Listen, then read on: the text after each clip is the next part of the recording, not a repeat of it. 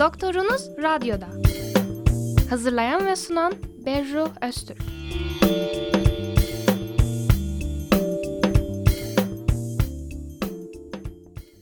Yeni yılın ilk pazartesinden herkese merhabalar. Trakya Üniversitesi Radyosu Radyo Güne Bakan 106.2 frekansındasınız. Ben Doktorunuz Radyo'da programı yapımcısı ve sunucusu Berru Öztürk. Bize ulaşmak isterseniz e-posta adresimiz radyogünebakan.trakya.edu.tr Türkçe harfler kullanmadan radyogünebakan.trakya.edu.tr Bugün programımızda yeni yılın ilk önemli haftası olan verem eğitimi ve farkındalık haftasını işleyeceğiz. Bu hafta yılın ilk pazar günüyle başlayan, içinde bulunduğumuz 2-7 Ocak'ta kutlanan Tüberküloz verem hastalığı ile ilgili toplumu bilgilendirilmesi ve konuya dikkatin çekilmesi amacıyla ülkemizde her yıl Ocak ayının ilk pazar günü başlar ve bugün iki konuğum var. Sayın hocalarımla Doktor Radyo'da programı olarak veremi, toplum açısından önemini konuşacağız. Sayın hocalarım Trakya Üniversitesi Tıp Fakültesi Göğüs Hastalıkları Anabilim Dalı öğretim üyesi Profesör Doktor Haydar Celal Karlıkaya ve Trakya Üniversitesi Tıp Fakültesi Göğüs Hastalıkları Anabilim Dalı Doktor öğretim üyesi İlker Yılmam hocamız var. Hocalarım hoş geldiniz. Teşekkür ederiz. Teşekkürler, hoş bulduk. Biliyorum ki sizleri tanıyan bilen birçok dinleyenimiz var ancak unutmuş olabilir diye dinleyicilerimiz için biraz kendinizden bahsedebilir misiniz? Ben Doktor Celal Karlıkaya, Edirne'de 25 yıldır Trakya Üniversitesi öğretim üyesi olarak bulunuyorum. Tabii birçok öğrencimiz, hastamız, izleyicilerimiz oldu. Olmaya da devam ediyor. Yani hem eğitmen hem bir hekim olarak görevimizi yapma telaşındayız. Ben Doktor İlker Yılmam. Ben Edirneliyim. Öğrenciliğim ve asistanlığımı Trakya Üniversitesi'nde tıp fakültesine tamamladıktan sonra. Sonra zorunlu hizmet için başka illerde görev yaptım. Pandemiden itibaren de yaklaşık son iki buçuk yıldır da Edirne'de göğüs hastalığı anabilim dalında çalışmaktayım.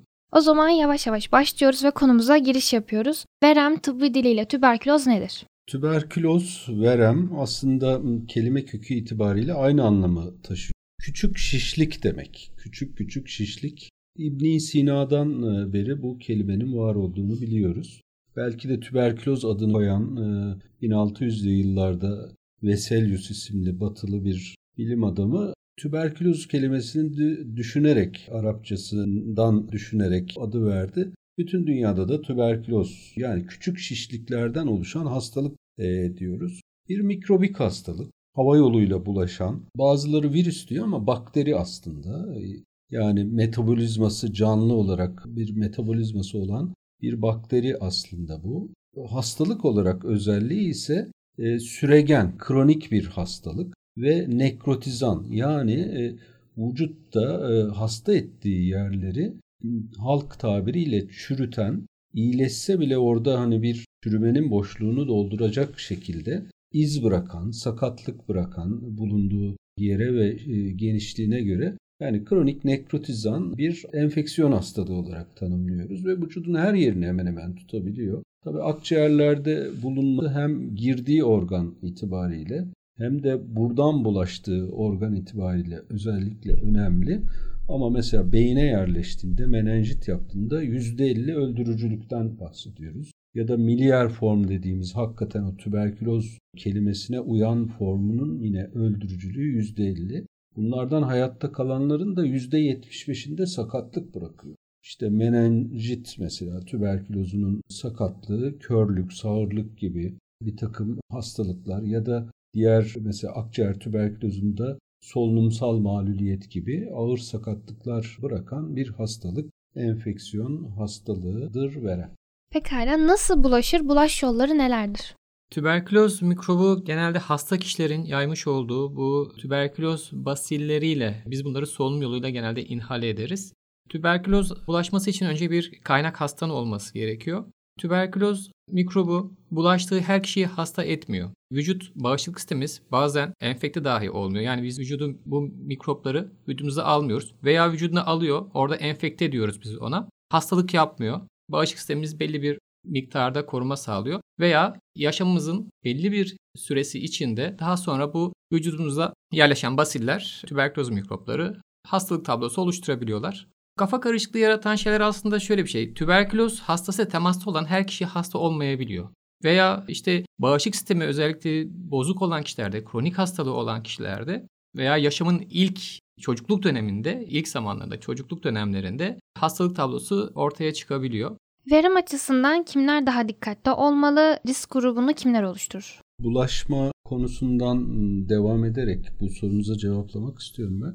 Şimdi COVID'i herkes öğrendi. Aslında Tabii. gribi de zaten biliyorduk. Bu havadan bulaşan bir hastalık. Temel bilmemiz gereken ve hasta kişilerden bulaşılıyor. Yani tabii zoonotik tüberküloz dediğimiz mesela özellikle büyükbaş sığırlarla aynı havayı soluyan insanlarda da bu risk var ama çoğunlukta verem dediğimiz kişi veremli bir insanla aynı havayı kapalı ortamda aynı havayı solumakla bu mikrobu kapıyor. Ama dediğimiz e, gibi İlker hocamızın mikrobu kapanların hepsi hasta olmuyor. Bizi şaşırtan yönü bu. Mikrobu kapanların hayat boyu %10 ile 15'i hastalığa dönüşüyor. Bunların bir kısmı da çok yıllar sonra yani bugün kapıyor. Mesela 30 yıl sonra o mikroptan hasta olabiliyor insan. Bu da hakikaten Covid gibi böyle ya da grip gibi çok bulaşıcı olduğunu bizim anlamamızı önlüyor. Salgın dediğimizde böyle Covid gibi görünce hakikaten bu salgınmış diyoruz. Ama veremi aslında bu boyutta görebilsek çok daha korkunç bir hastalık. Boyutunu şöyle söyleyeyim size. Resmi rakamlara göre Türkiye halkının %25'i ne veren mikrop bulaşmış durumda. Yani her 4 kişiden biri ne bu mikrop bulaşmış durumda. Dünya nüfusunun da üçte biri. Yani işte 8 milyar insan ise düşünün 2,5-3 milyar insana bu mikrop bulaşmış durumda. Ama dediğim gibi sadece %10 civarı bütün hayatında bunu hastalığa dönüştürüyor. Bazen de hastalık çok hafif geçtiği için biz bunun salgın olduğunu kavrayamıyoruz. Aslında çok daha korkunç bir hastalık. Dünya Sağlık Örgütü de tekrar tekrar uyarıyor. Şimdi Covid'den tabii ölümler ilk son iki yılda belli bir rakamı aştı ama verem hala dünyada bir numaralı öldürücü enfeksiyon hastalığı. Her yıl bir buçuk milyon insan dünyada veremden ölmekte. Risk faktörü deyince tabii riski iki şekilde düşünebiliriz. Bir, verem mikrobunun bulaşma riski.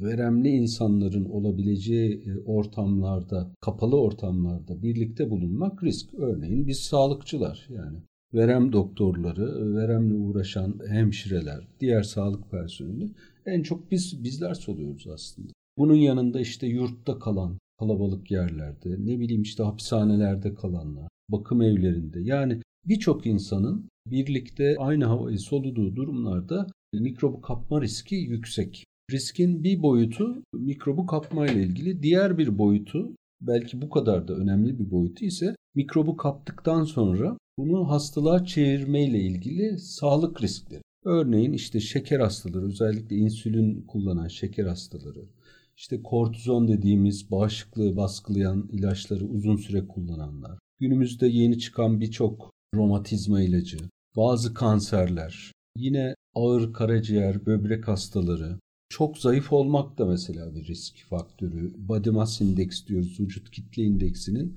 18'in altında olması örneğin bir risk faktörü. Yine akciğerinde silikozis gibi bir takım mesleki hastalıkları olanlar için risk faktörü. AIDS'liler ülkemizde şükür ki o kadar yok. Uzunca bir zamandır Sağlık Bakanlığı verem hastalarına HIV testini zorunlu hale getirdi. Yani takibimizde e, AIDS hastalığı şükür ki yok ama bir de HIV salgını olursa verem hakikaten risk olarak daha da artmış olacak. Bir de Covid'in kendisi bu Dünya Sağlık Örgütü geçen yıl içinde bildirdi. Covid yüzünden verem dünyada %4,5 oranında artmış durumda. Bunu da şöyle yorumluyoruz. Tarih boyu zaten verem hep böyle kitlesel yıkımlarla, salgınlarla koalisyon kurmuştur. Mesela veba salgınından sonra verem salgını. Ne bileyim işte depremlerden, savaşlardan, kıtlıklardan sonra verem salgını olur, beklenir. Şimdi de post-Covid yani Covid sonrası çağın tabii birçok başka nedeni de var bunun. Sadece kişinin bağışıklık sorunu değil. Belki onlara da değiniriz. Post-Covid çağda özellikle veremin riskinin arttığı çağlardan birisi. O zaman yeri gelmişken hemen değinelim. Post-Covid sonrası verem nedir? Covid ve verem arasındaki ilişki nasıl oluştu? Bir tanesi dediğim gibi bağışıklıkla ilgili. Bağışıklığı hem akciğer hem bütün vücudun sağlığıyla da ilgilendirebiliriz. Covid riskleri ne yönden arttırdı, nasıl arttırdı? %5 kadar dedik. Ama hepsi bireysel bağışıklıkla ilgili değil. Bireysel bağışıklığı nasıl arttırdı? Mesela akciğerde COVID geçirenlerin önemli bir kısmında sakatlık kaldı. Vücut yeterince oksijen alamamakta. Bu beslenme bozukluğu, kilo düşüklüğü, belki mental işte psikiyatrik bozukluklar, nörolojik bozukluklar birçok bozuklukla birlikte kişinin bütün sağlığı bozulunca bağışıklığı da bozuluyor. Bununla ilgili olabilir ama onun dışında belki bir bu kadar da önemli faktör biz de burada yaşadık, yaşıyoruz. Covid salgını sırasında mevcut sağlık personeli ve sağlık imkanları önemli oranda Covid'e harcandı. Yani verem savaş e, doktorları, verem savaş hemşireleri, hatta biz bile üniversitede verem hastaları da zaten korktuğundan gelemez oldu. O da ayrı bir boyut oluşturdu. Veremi bırakıp Covid'le ya da öbür hastalıkları bırakıp Covid'le uğraştığımız için bütün diğer hastalıklar belli oranda ihmal edilmek zorunda kalınmış oldu. Bu bir boyutu. Verem hastaları sağlık sistemine gelmedi, gelemedi. Bu bir boyutu. E, mesela bir hastamız oldu. Biz bunu sunum da yaptık. Keşan'ın bir köylerinde çok yaşlıca bir hastamız işte. Alzheimer'ı var. Verem teşhisi konuyor. Tedavi başlanıyor. 2-3 hafta sonra tabii eskisi gibi verem savaş memurları da olmadığı için takip edemiyorlar. Oğlu da evinde hapis, Keşan'da. Hasta köyde. E, bakan yok eden e, ilaçlarını içmemiş e, hastamız. Veremi alevlenmiş. Sonra hastane götürecek bulamamışlar. Ta üniversiteye kadar buraya geldi. E baktık bir de Covid pozitif çıktı. Oğlu korktu o da terk edip gitti üniversitede hastaneye. Neyse yani iyi bir şekilde hastayı tedavi edip sonucunu bağlayıp eve gönderebildik ama yani buna benzer o kadar çok özellikle bakıma ihtiyaç duyan, kendi kendine yetemeyen insanların veremi daha fazla sorun oluşturdu. Yani birçok belki başka aklıma gelen gelmeyen sorunlar da oldu. Ama ilk planda söyleyebileceklerim benim bunlar. Ben şunu merak ettim hocam. Peki Covid ve verem böyle hani birbirlerine benziyorlar mı mekanizma olarak? Yani karıştırma gibi durum oldu mu ilk çıktığı zamanlarda Covid'in? Dedim ki veremli hasta Covid mi? Covid'de hasta verem mi gibi? Aslında radyolojik olarak hem Covid'de hem veremde biz radyolojik bulgular çok önemli yer tutmakta. Covid'in genelde normal akciğer grafilerinde, tomografi olan akciğer grafilerinde ilk çıktığı zamanlardaki oluşan görünüm akciğer filmlerine kendi pek belli etmedi. Daha çok tomografiyle tanısını koyduk ve görünümleri bizim buzlu cam dediğimiz bir takım görünümlere sahiplerdi. Biz bunlara dayanarak işte yüksek olasılıklı COVID pneumonisi zatürresi teşhisini koyduk. Tüberkülozun bulguları da tabii tüberküloz Celal hocamın da söylediği gibi her kılığa girebilen bir hastalıktır. Ama genelde Covid ile çok fazla karışabilecek bir radyolojik bulguları ve klinik bulguları mevcut değil. Yani tüberküloz hastalığı kronik sinsi bir hastalıktır. Covid daha böyle yakın zamanda başlayan, gürültülü seyreden, daha fazla semptomu bulgu oluşturan, şikayet oluşturan bir hastalıktır. Onun için ikisini çok fazla karıştırmadık. Bir benzerlik şu olabilir yalnız. ikisi de tabii havadan bulaşan hastalık oldu. Gerçi Covid temasla da bulaşıyor. İşte elinize yüzünüze dokunduğunuzda vesaire de oluyor ama mikrobu soluyup hava yollarınıza ulaşması bir benzerlik. Bu yönden yalnız verem çok daha tehlikeli onu vurgulayayım. Verem mikrobu havalandırılmayan ortamlarda 24 saate kadar havada süspansiyon diyoruz. Enfektif partikül olarak durabilirken Covid işte 2 metre bir sosyal mesafe bile büyük oranda bulaşıcılığı önlemiş oluyor. Yani Covid hem havadan hem temasla gelen ama verem tamamen çok daha tehlikeli boyutta havadan gelen bir mikrop. Şimdi o zaman veremden devam ediyoruz asıl konumuza. Veremin peki bu kadar hani sinsi bir hastalık dedik. 20 yıl sonra bile ortaya çıkıyor biliyor dedik. O zaman veremin nasıl anlayabiliriz? Belirtileri neler? Tetikte olmamız gereken durumlar nelerdir? Veremin aslında bir genel olarak söyleyebileceğimiz bir takım bulguları oluyor. Bunlar işte verem sadece işte bir akciğer hastalığı değil, vücuttaki tüm organları tutabileceği için genel bir takım semptom, bulgulara yol açabiliyor, şikayetlere yol açabiliyor. Bunlar genelde akciğer tuttuğu zamanlar işte uzun süreli öksürük, gece terlemesi dediğimiz yani iç çamaşır değiştirecek kadar terleme, halsizlik ve kilo kaybı çok önemli. Bu tür hastalarda tüberkülozu düşünmek gerekiyor. Onun dışında akciğer tutuysa ona bağlı işte bazen öksürükte kan gelmesi olabiliyor. İşte hırıltı yakınması olabiliyor. Nefes darlığı yakınması olabiliyor.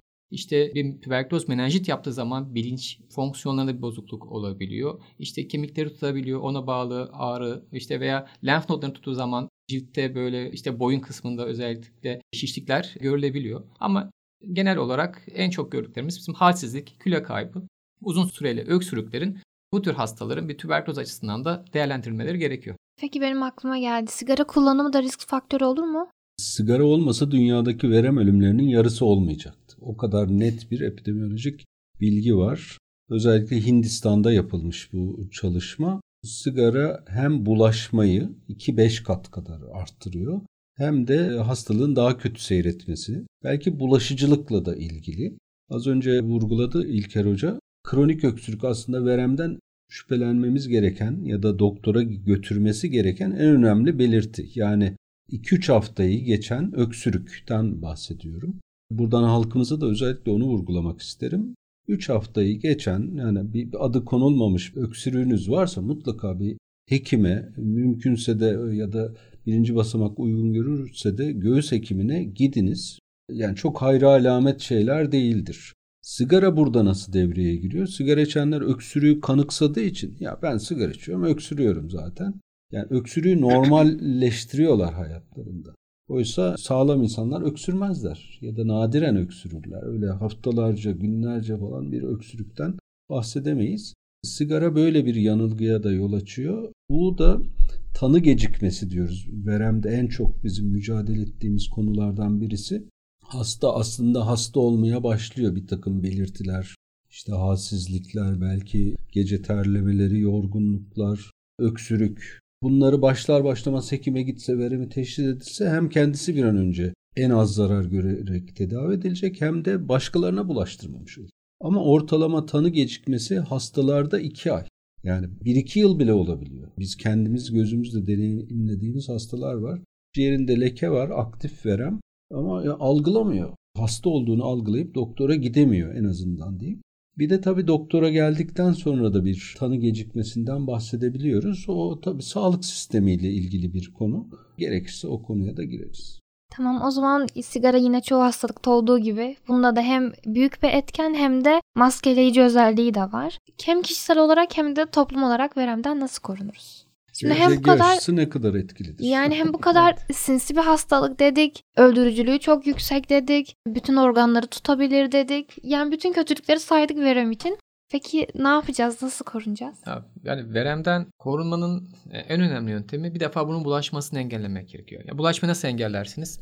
Verem hastasını tedavi etmeniz gerekiyor. Verem hastasını bulacaksınız. Verem hastasını tedavi edeceksiniz. Onun dışında verem hastalığı açısından yüksek risk olan işte ev iç temas olanların, sağlık personeli, cezaevlerinde yaşayanlar, işte alkol bağımlıları oluyor, kronik hastalıkları olanlar oluyor. Bu gibi yüksek risklerde verem tanısını bir an önce gecikmeden koyup bu kişileri tedavi etmeniz gerekiyor. Özellikle yüksek riskli kişilerin taranması bu konuda çok önemli. Onun dışında Celal Hocam da bahsetmişti. Romatizma tedavisinde kullanılan bir grup ilaçlar verem açısından yüksek risk teşkil edebiliyor. Bu kişilerde yine yüksek riskli kabul ettiğimiz kişilerde koruyucu tedavi, ilaç tedavisi vermemiz gerekiyor. Bu da en az 9 aylık bir süre oluyor. Bu şekilde bu tür kişileri yakın takibi hasta olduklarında da ona yönelik uzun süreli yine tedavi vermek gerekiyor. Bir de çocuk veremi var. Biz erişkin evet. göğüs hekimleri olduğumuz için biraz o konudan uzağız. Orada da BCG aşısı, Basil Galmet Geran Kalmet ve Geran iki araştırıcının geliştirdiği aşı hala güncel aşı. Yani neredeyse 100 yıllık aşının daha iyisini yapıla, yapmadılar, yapılamadı diyelim. Ama e, daha iyi aşılarla ilgili büyük çalışmalar da olduğunu biliyoruz ve e, umudumuz sürüyor. Ülkemizde ya da bizim gibi ülkelerde bu aşı hala rutin bir bağışıklama ajanı. Doğumdan 2 ay sonra tek aşının yeterli olduğunu düşünüyoruz. Aşının hani diğer testlerle kontrolü falan söz konusu değil ama iz bıraktıysa özellikle tuttu diyoruz ama iz bırakmadığı tutmadığı anlamına da gelmiyor. Buradan o, da yanlış çıkmasın. Sonuçta yani yeni doğanlarımızı aşılatmak da özellikle öldürücü, sakat bırakıcı çocukluk veremini azaltmada oldukça önemli. Tamamdır. O zaman bir yandan da halkımıza da aşı konusunda da bir çağrı da yapmış oluyoruz aslında. Aşı konusunda tereddütünüz olmasın. Özellikle verem açısından güveniniz tam olsun. Aşılarınızı aksatmayın çocuklarınız için.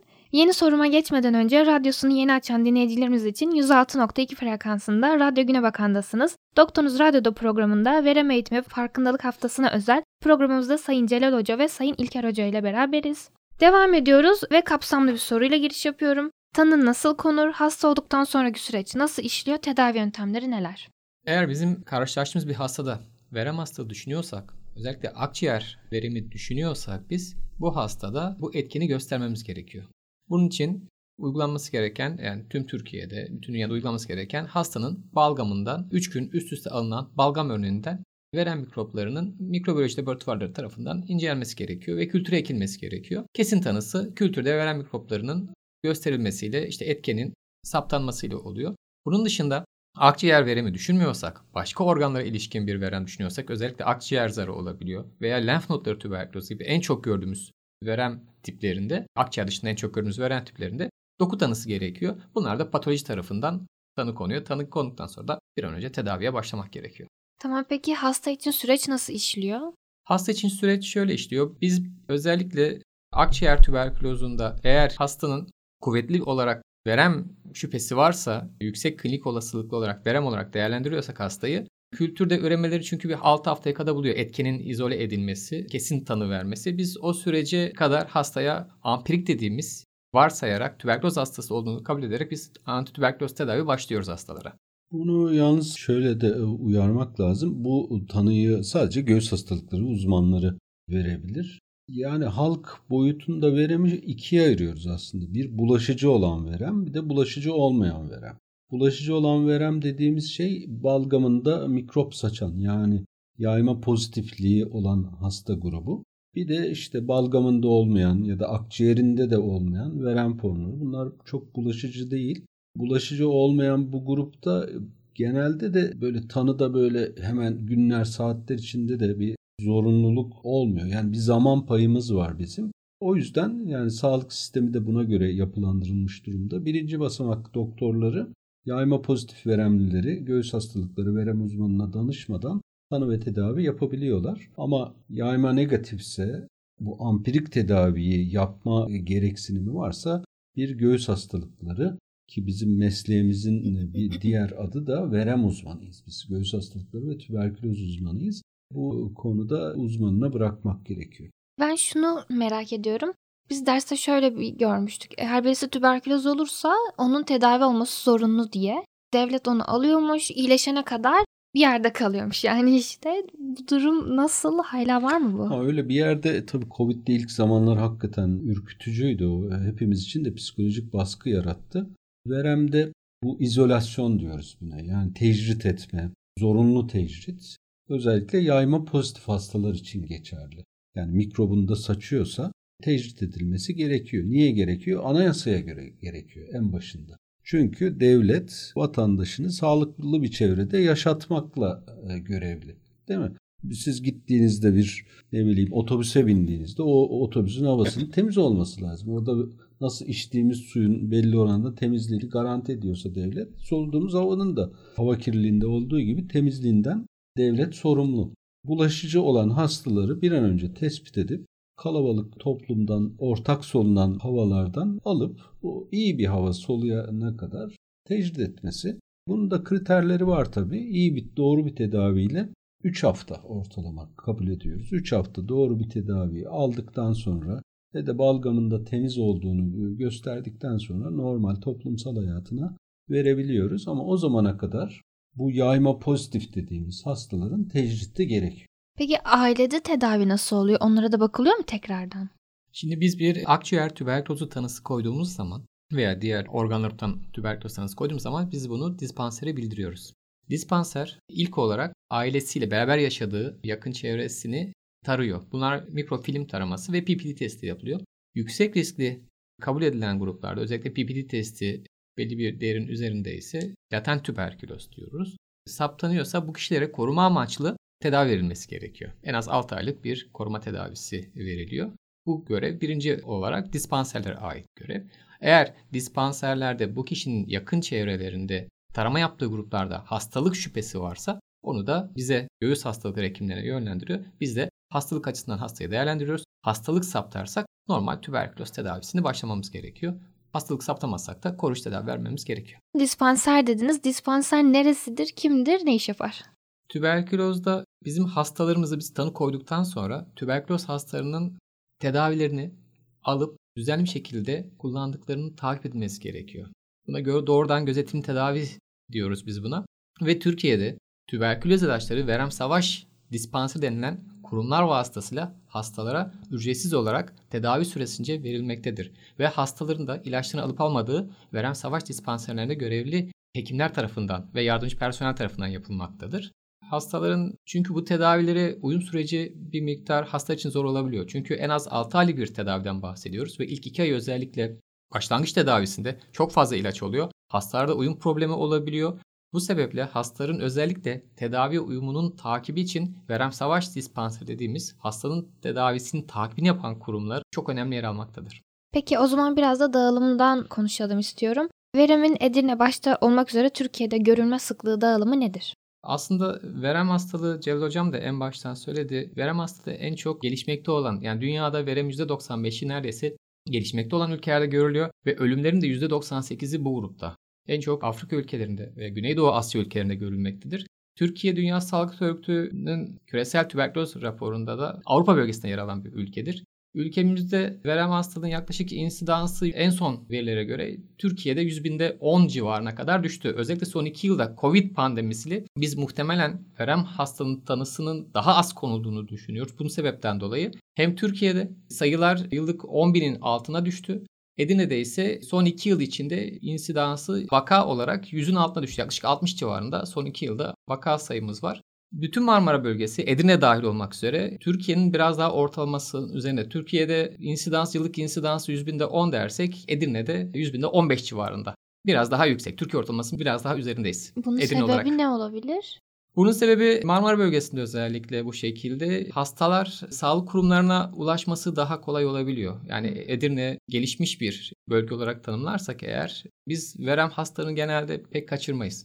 Tanısını koymaya çalışıyoruz. Bu coğrafi ve işte sosyoekonomik düzeyle ilgili bir konu olduğunu He, düşünüyorum. anladım, Ama tamam. tüm Marmara'da Türkiye genel göre biraz daha yüksek. Bir de sağlık altyapısı. Evet tabii. sağlık altyapısı biraz Burada daha. iyi, iyi oturmuş bir sağlık altyapısı.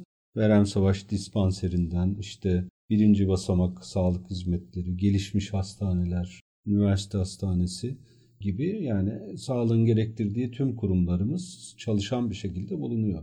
Şimdi geçmişten günümüze peki verem hastalığının ülkemizdeki değişimi, yapılanlar, başarılar nelerdir? Çünkü bildiğim kadarıyla bundan yıllar önce verem çok yaygın bir hastalıktı. İşte insanlar hemen birbirine verem mi oldun derdi. Bu denli bir hastalığın şu anki günümüzdeki durumu nedir? Evet yani veremin tarihini anlamak da hakikaten veremle savaşta çok önemli bir konu. Türkiye biraz Avrupa'dan 50 yıl geriden geliyor. Avrupa 1900'lerin başında çok büyük bir verem salgını yaşarken biz de 1940'lı 50'li yıllarda bu şehirleşme, sanayileşme, insanların bir arada daha çok bulunmasıyla da ilgili 1949 yılında yılda yaklaşık 300 bin kişi verem oluyor. Ve 40 bin kişi verem, veremden ölüyor ülkemizde.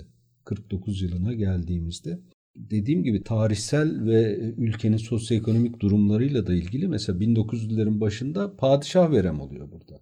Oralardan hem nüfusun artışı hem nüfusun bir arada yaşaması şartlarıyla da ilgili bir durum söz konusu. 40 bin kişinin öldüğü bir ortamda Türkiye Büyük Millet Meclisi devreye giriyor ve Ulusal Verem Savaş Kanunu ilan ediliyor. 40 bin kişinin her yıl ölümü yani meclisin artık savaş ilan etmesini gerektiren bir duruma dönüyor. Ondan sonra tabii çok büyük bir başarı da elde ediliyor. Türkiye böyle 60'lı 70'li yıllara geldiğinde yaklaşık 6 kere baştan aşağı süpürülmüş oluyor. Yani ülkede gezici verem savaş ekipleri, verem savaş dispanserleri olmak üzere böyle 3 haftayı geçen öksüren kim varsa gelsin işte filmini çekelim, muayenesini yapalım sistemi ve tam bulaşıcılık çıkana kadar güzelce tedavi edelim prensiplerini ortaya koyduğu için çok büyük bir başarı elde ediliyor. Hatta Dünya Sağlık Örgütü madalya veriyor. Ve hatta günümüzde kullandığımız verem savaş stratejisi, Dünya Sağlık Örgütü'nün getirdiği, geliştirdiği verem savaş stratejisi bizim kendi özgün yaptığımız stratejilerin bir şeyi, özeti gibi. Verem Savaş Dispanseri kuruyoruz, Verem Savaş memuru kuruyoruz, doktoru kuruyoruz, laboratuvar teknisyeni kuruyoruz. Ona bütçe ayırıyoruz, ilaç, tanı, tedavi malzemeleri kuruyoruz. Bugün Dünya Sağlık Örgütü'nün DOS stratejileri diye derste anlattığımız şey aslında bizim uyguladığımız verem savaş stratejileridir. O günlerden sonra o verem savaş kanunuyla ve bu altyapıyla birlikte verem bir numaralı ölüm nedeniyken 1949'da bugün 27-30. sıralarda bile belki son derece az bir hale getirilmiştir. Bu da ülkemizin, cumhuriyetimizin büyük bir başarısıdır gerçekten. Tarihsel olarak belki bir de şu söylenebilir. Veremde enfeksiyon salgın dalgası diye bir kavram var. Mesela Covid'de neydi? İşte 4-5 dalga yaşadık. Gripte yılda bir iki keredir. Kızamıkta 10 yılda birdir. Ne bileyim işte böyle her salgın hastalığın bir salgın dalgası vardır. Onun bir zaman genişliği vardır. Veremde bu 200 ile 300 yıldır. Yani kavramak çok zor o yüzden. Mesela 60'lı yıllarda dedim ya baştan aşağı 6 kere süpürüldü. Yılda 160 bin vakayı 40 bine düşürmüş. Yani bu bakarsan o tarihlerde Türkiye'de verem salgını var. Ama değil tam tersi. İşte o sinsi bir hastalık e, sağlığa gelmiyor. Doktora gelip tedavisini görmüyor ama bulaştırıyor.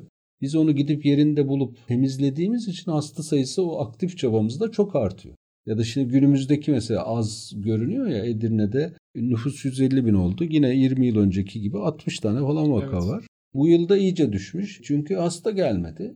Evinde herkes korkudan veremiyle yaşadı.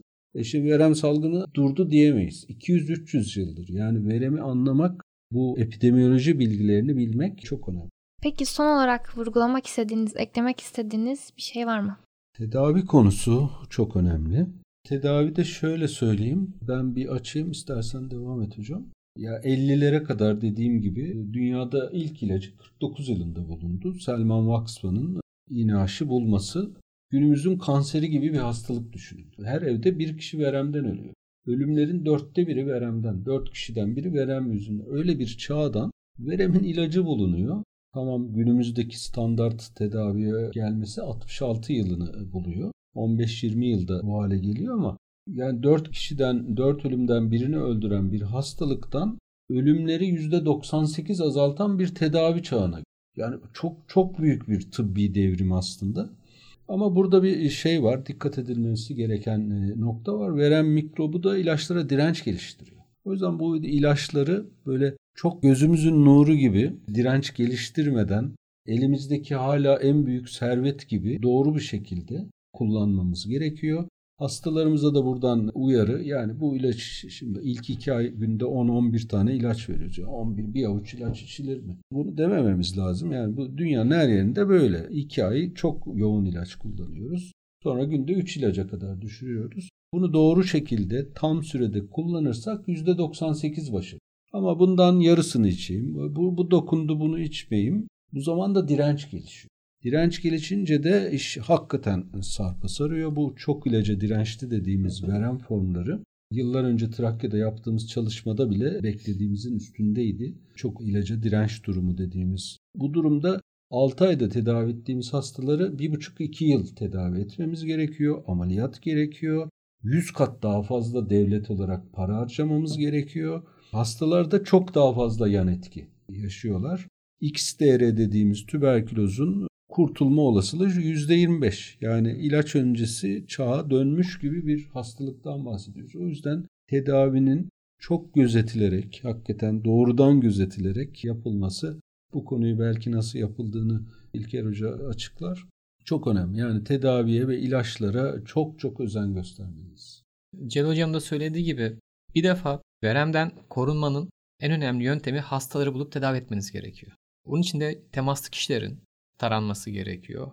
Hastaların tedavisinin, takibinin primer sorumlusu artık dispanserlere verilmiş durumda ama hastayı sadece e, olay hastaya ilaç vermek değil. Hastanın içinde bulunduğu, yaşadığı ortamı da beraber değerlendirmek gerekiyor. Bu yani psikososyal durumda değerlendirmemiz gerekiyor. Hastanın yaşadığı yeri gidip güvenlik görmemiz gerekecek. Çünkü hastalarda şöyle bir şey olabiliyor. İlaçlar başladıktan sonra ilaca başladığınız ilk günden itibaren veremin bulaşıcılığı azalır aslında. Ve hastalar kendilerini daha iyi hissetmeye başlarlar tedavi süresince. Ben artık iyileştim deyip tedaviye ara verme olabiliyor. Ama mutlaka burada hastanın tedavi uyumunun değerlendirilmesi, motivasyonun sağlanması gerekiyor. Bunları işte sahalarda verem savaş dispanserlerine görevli arkadaşların titizlikle yapması gerekiyor ve yapılıyor ülkemizde. Çok büyük oranlarda yapılıyor. Ama yine de dirençli tüberküloz vakalarımız maalesef oluyor. Ve bunda en önemli etken işte tedavinin yeterli bir sürece verilememesi, yarıda kesilmesi veya uygun olmayan tedavi rejimlerinin başlanması. Tabii bunların gözden geçirilmesi gerekiyor. Bunların değerlendirilmesi gerekiyor. Geldiğiniz zamanınızı ayırdığınız için toplum sağlığını tehdit eden bu önemli konunun farkındalık oluşturmasında destek olduğunuz, verdiğiniz, anlattığınız tüm değerli bilgilere çok teşekkür ediyorum. Bu hafta Sayın Profesör Doktor Haydar Celal Karlıkaya ve Doktor Öğretim Üyesi İlker Yılmam hocamızla beraberdik. Veremi konuştuk.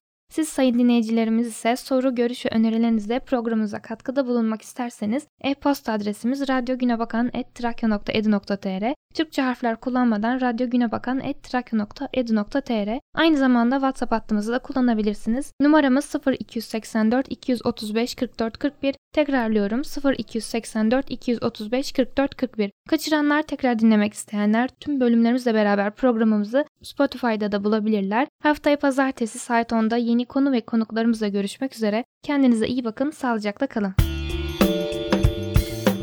Doktorunuz Radyo'da. Hazırlayan ve sunan Berru Öztürk.